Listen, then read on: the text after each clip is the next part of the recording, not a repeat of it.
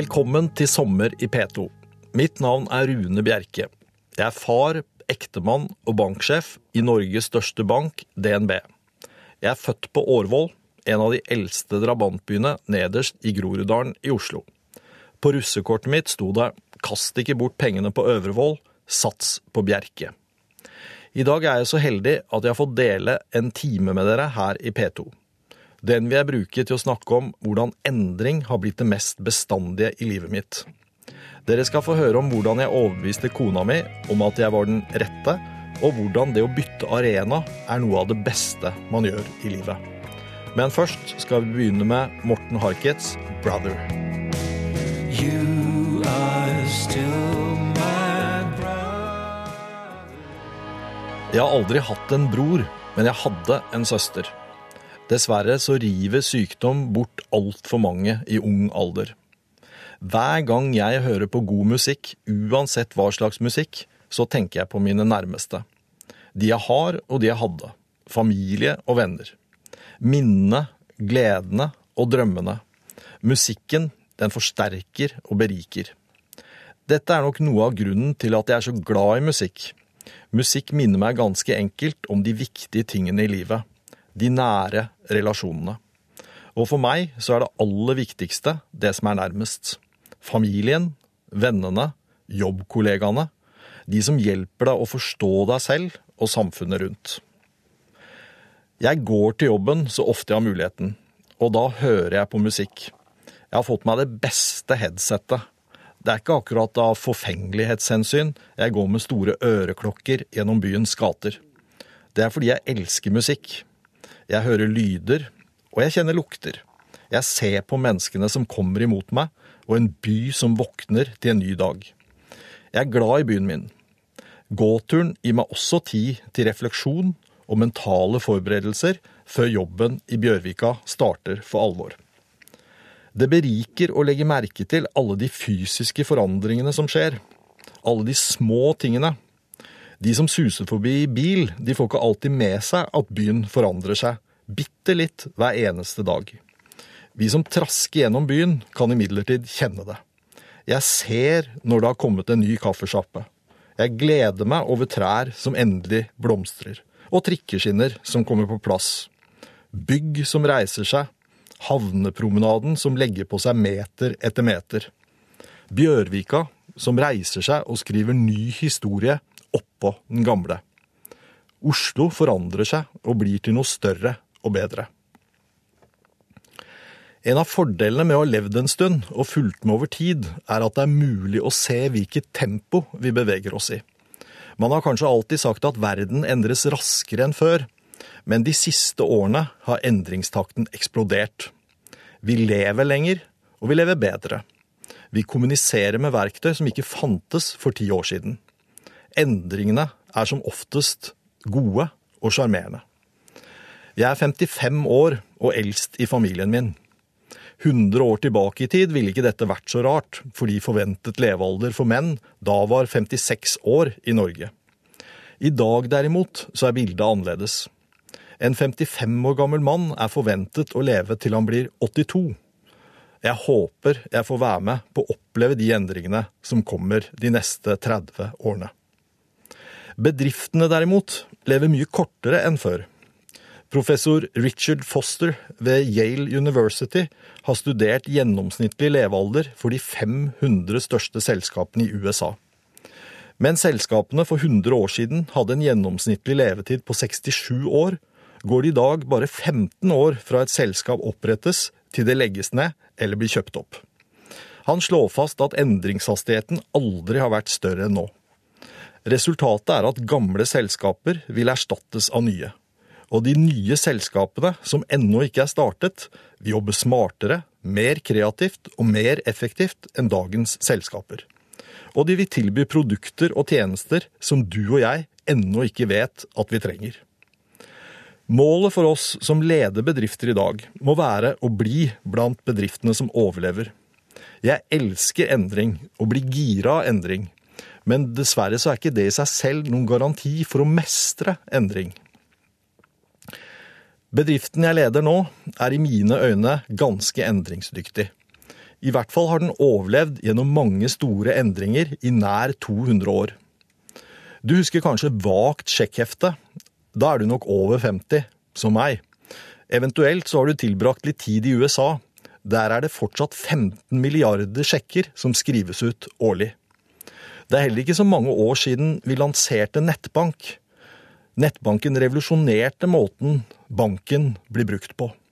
Men det stopper ikke der, for ungene mine de har nesten slutta med nettbank. De treffer banken gjennom mobilen hver eneste dag. Regningene betales på bussen eller på stranda. Vi står midt i en digital revolusjon. Det er utfordrende, men også moro. Jeg syns vi er heldige som har muligheten til å oppleve forandringene som gjør næringslivet, byen og landet bedre. Derfor må vi ikke være redde. Vi må tvert imot lene oss framover og omfavne det som kommer. Gjøre det til noe godt. Det gjelder like mye på jobben som hjemme. Dette er Sommer i P2. Jeg er Rune Bjerke, og jeg elsker å gå på konsert. Selv har jeg aldri fått oppleve Carlos Santana live. Det til tross for at en av mine første LP-plater var eh, en plate der han og John McLaughlin spilte gitar sammen. To av verdens aller beste gitarister. Det å beherske et instrument er noe svært mange i vår tid og i tidligere tider har blitt rike av. Ikke nødvendigvis på penger, men på opplevelser. Og dette er i mine øyne noe av det viktigste vi gjør her i livet. Skape opplevelser å leve på. For min egen del stoppet etter fem år i Årvoll skoles musikkorps. Jeg ble aldri noen stor klarinettspiller. Tredjestemmen var det høyeste jeg rakk.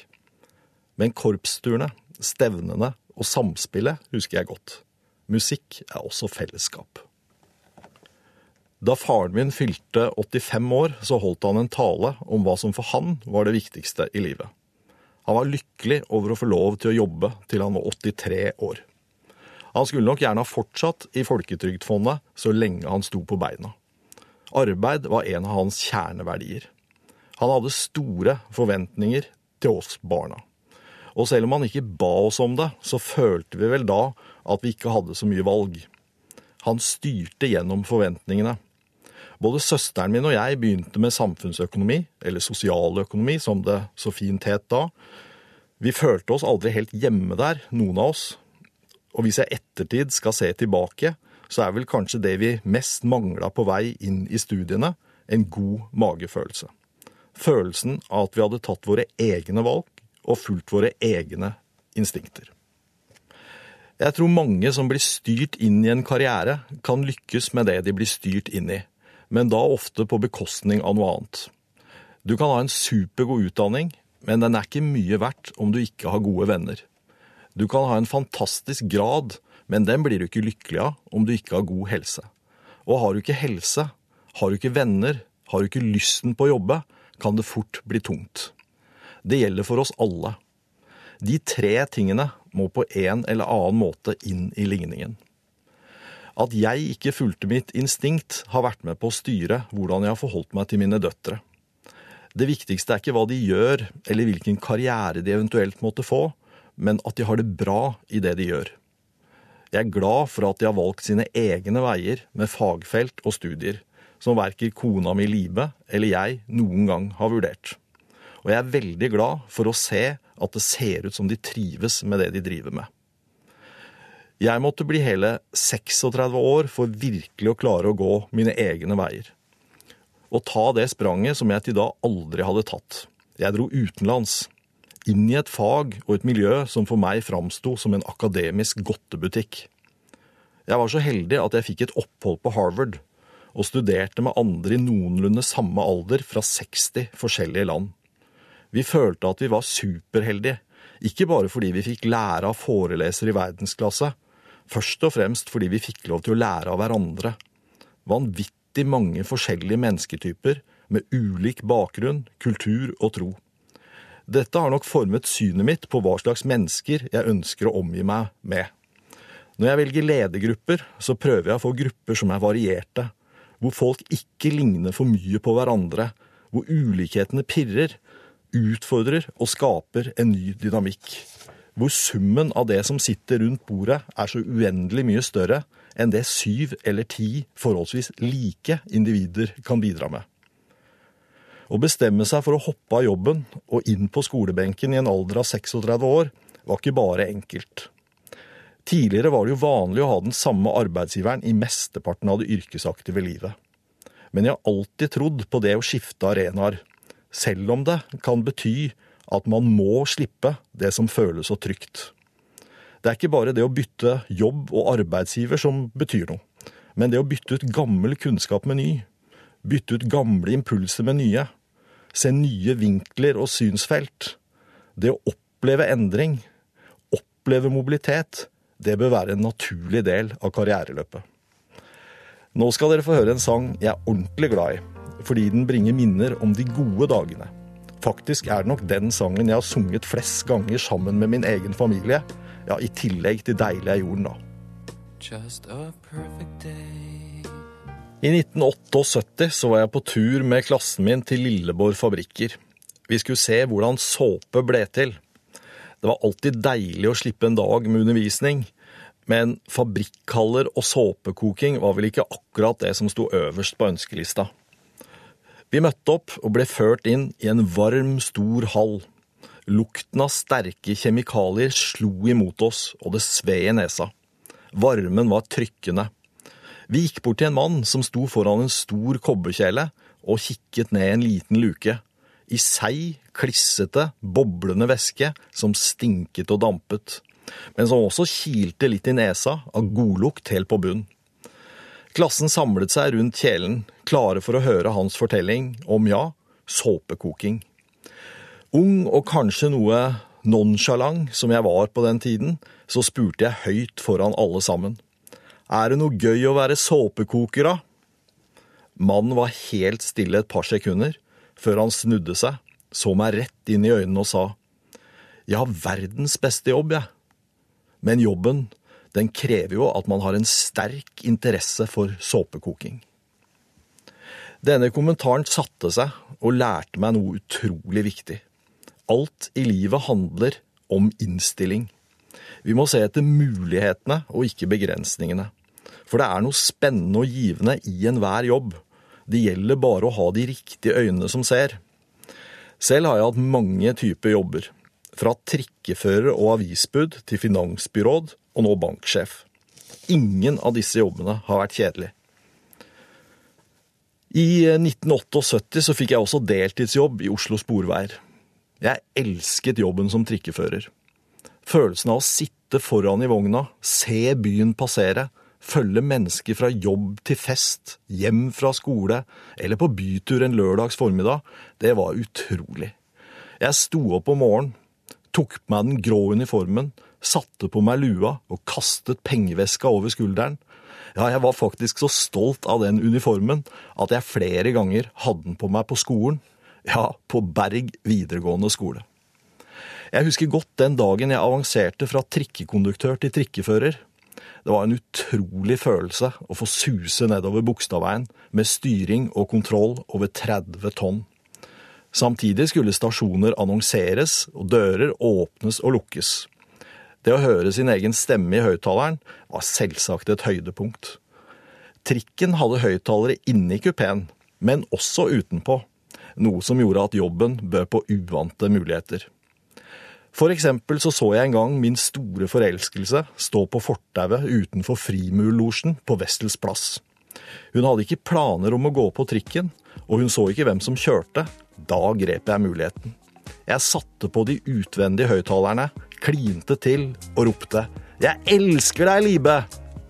Hun var ikke spesielt høy i hatten med de 50 passasjerene som snudde seg og tittet i alle retninger, mens jeg humrende foran i trikken satt og lata som ingenting. Det ble oss to. Du hører på Rune Bjerke i Sommer i P2. For et par år tilbake så satt jeg i en sal fylt til randen av vellykkede kvinner og menn. Mennesker med ambisjoner og driv som har ført dem inn i sentrale stillinger i internasjonalt næringsliv. På scenen sto toppsjefen for et av de store konsulentselskapene. Han fortalte om sine viktigste lærdommer gjennom et helt arbeidsliv. Et av hans poenger var at alle bør fornye seg selv, ja totalt fornye seg selv minst tre ganger i løpet av karrieren. Dette traff meg midt i hjertet. Det satte seg, for der, fra scenen, satte han ord på det som har vært så viktig for meg gjennom hele mitt liv. For jeg har store skift bak meg, på tvers av arenaer i karrieren. Jeg har vært rådgiver i Olje- og energidepartementet. Jeg har hatt ansvaret for sementfabrikker i Afrika og leda Norges største strømleverandør, Hafslund. Hver gang jeg har bytta arena, så har jeg tatt et skritt i en helt ny retning for å skape et nytt kapittel. Jeg har nemlig troen på at det ligger en verdi i det å dele arbeidslivet inn i faser eller kapitler. Akkurat på samme måte som vi gjør i privatlivet. Før man gifter seg, etter man har fått barn, i studietiden, som pensjonist. Epoker og faser som ligger der naturlig. I arbeidslivet så kommer ikke disse kapitlene av seg selv. Man må skape dem. Derfor så er det så viktig å tørre å fornye seg. Nye etapper gir ny innsikt. Moro er det også, fordi man lærer så uendelig mye ved å bytte arena. Samtidig skal man heller ikke undervurdere hvor mye som egentlig er likt på tvers av arenaer. Bank og strøm, eksempel. Fotballbanen og travbanen. Eller politikken og sementen. Et sentralt poeng i denne livsfilosofien er at man må gå all in hver gang man kommer til noe nytt. Man må hoppe i det med en lyst til å lære. For hvorvidt man brenner for det man driver med, det bestemmer man sjøl. I tiden min i Hafslund så var jeg all in på norsk kraft. Jeg jublet da det regnet mye om våren, for da visste jeg at Mjøsa fylte seg raskere opp, og at de tre kraftverkene langs Glomma-vassdraget økte produksjonen. Og ikke kom til meg og si at strøm er strøm.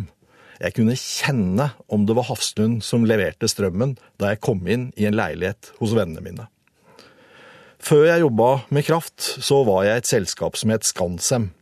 Da jobba jeg med sement- og betongproduksjon. Nå tenker du kanskje at det er umulig å ha dilla på betong, men det er feil. Betong og sement har jo så fantastisk lang levetid. Jeg hadde skikkelig dilla. Elska å gå inn for landing på nye flyplasser for å se hva slags dekke det var på rullebanen. Frankfurt var favoritten. En av flyplassene i verden med mest sement og betong. En herlig flyplass. Det beste med den jobben jeg har i dag, det er at man kan skifte arena uten å skifte arbeidsgiver.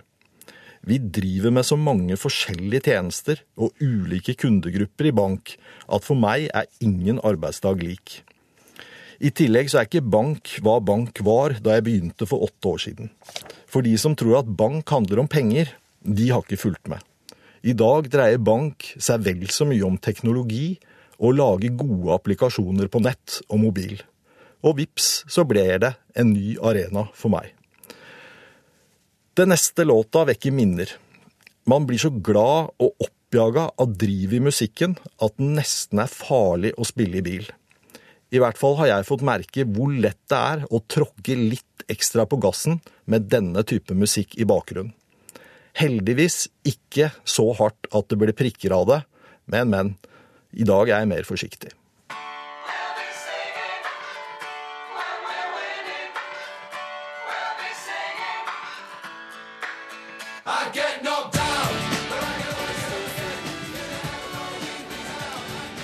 Selv om denne låta er morsom å kjøre bil til, har jeg først og fremst valgt å ha den med fordi det var den låta klanen, Vålerengas supportere, hadde gjort om til sin egen før cupfinalen mot Strømsgodset i 1997. Det var bare én hake.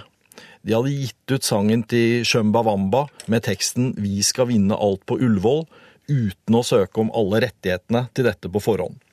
Plata blei visstnok stoppa, men sangen sitter fortsatt klistra. For meg så dreier det seg om minnene om fotball, og fotball er en av de tingene som skaper mest engasjement blant folk, også hos meg. Engasjement er viktig i alle sammenhenger. Det er viktig på jobb, i møter og i fritida. Ikke alle er like gode på engasjement. Noen ganger så kan man komme inn i et rom og nesten føle seg tom før et minutt har gått. Fordi du blir møtt av holdninger eller et kroppsspråk eller med snikksnakk som rett og slett suger ut energien. Det motsatte gjelder når du kommer inn i et rom der det oser av energi og engasjement.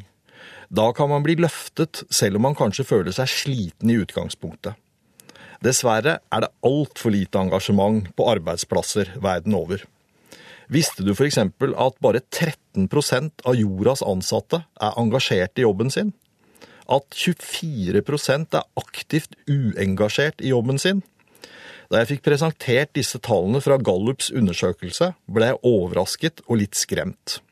Jeg tenkte umiddelbart, men dette er verden, det kan da umulig være sånn i Norge? Men jo, i Norge er kun 16% engasjert i jobben sin, og 7 av 100 er aktivt uengasjert. Resten er likegyldige. Det er jo ikke bra. Vi tilbringer så mye tid på jobben. En god seng, eksempel, det er et must. En jobb man gleder seg til å gå til, er et annet. Tenk hvor stor del av tiden vi tilbringer i senga og på jobben. Så hvordan er det mulig at åtte av ti nordmenn er likegyldig til det de driver med? Jeg kom nylig tilbake fra et besøk i USA. Man kan si mye om amerikanere, men de er født og opplært til å være gode på engasjement. Å stå på scenen foran 150 energifylte amerikanere, det gjør noe helt annet med deg enn å innlede på en vanlig norsk bankkonferanse. Dette engasjementet smitter ikke bare over på meg, det legger også grunnlag for et driv i den amerikanske befolkningen resten av verden bare kan drømme om. For når dobbelt så mange er engasjert i jobben sin sammenlignet med resten av verden, da utgjør det en stor forskjell. På mange måter er amerikanerne gammeldagse og ineffektive. Men ingen skal ta fra dem at de har selskaper som Google, Snapchat, Twitter og Facebook. Knopper som har blitt til giganter på noen få tiår. Det er ikke tilfeldig at staten California alene har 25 selskaper på listen over verdens 500 største selskaper som er startet opp etter 1975. Det er ett sånt selskap i Europa. Omstilling, nyskaping og det å skape nye vekstmotorer, der er amerikanerne uslåelige.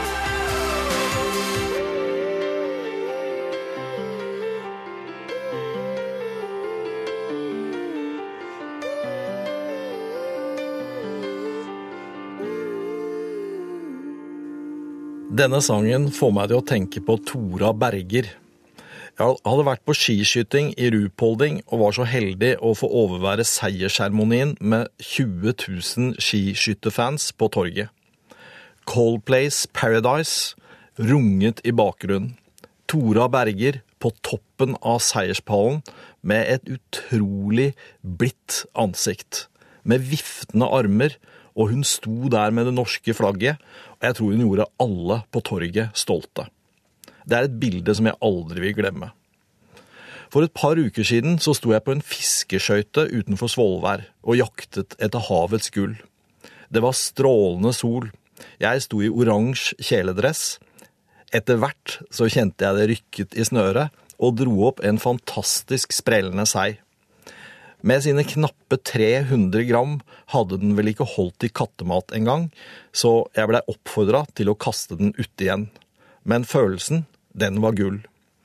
Jeg har stor respekt for denne næringen. Som en av våre eldste og mest tradisjonsrike yrker har fiskerne klart å gjøre det mesterstykket å utvikle en global, høyteknologisk, konkurransekraftig næring. I dag kjøper husmødre i Brasil norsk klippfisk til sin bacalao. I Japan er ikke bare laks kjent, men også shishamo, lodde, en delikatesse. Selv i Juba, hovedstaden i Sør-Sudan, får man kjøpt norsk tørrfisk. Til sammen settes 37 millioner sjømatmåltider fra Norge på verdens matbord hver eneste dag. Men fisken er ikke den eneste råvaren som har vært og vil være viktig for Norge framover. Fantastiske reisedestinasjoner knyttet til den vakreste naturen som finnes, vil bare bli viktigere og viktigere. Særlig nå som krona har svekket seg litt. I tillegg har naturen gitt oss vannkraft, skog, metaller og olje. Dette er råvarer som jeg tror vil leve i mer enn 100 år til. Men selv om det fortsatt er mye levetid igjen i disse næringene, så er det én ting alle politikere, uavhengig av parti, har rett i. Vi må sikre omstilling i norsk næringsliv. For selv om råvareindustrien vil være bærebjelke lenge, så må vi ha mer. Vi må ha flere bein å stå på. Framtidas norske suksesser er kanskje ikke skapt ennå. Skal vi lykkes, så er den viktigste jobben å få de norske gründerne til å blomstre og til å vokse. Her har Norge et uutnyttet potensial. Hvert år starter 50 000 nye bedrifter. Vi må gjøre flere av disse levedyktige, til selskaper som vokser seg store og blir verdifulle for landet. Kahoot fra Trondheim lager verdens enkleste quizverktøy. Øveråsen fra Gjøvik har blitt verdens beste til å måke rullebaner fri for snø. Fell fra Oslo har akkurat lansert sin trådløse dødmannsknapp. Og Stingray Marine er vårt nye laservåpen mot lakselus.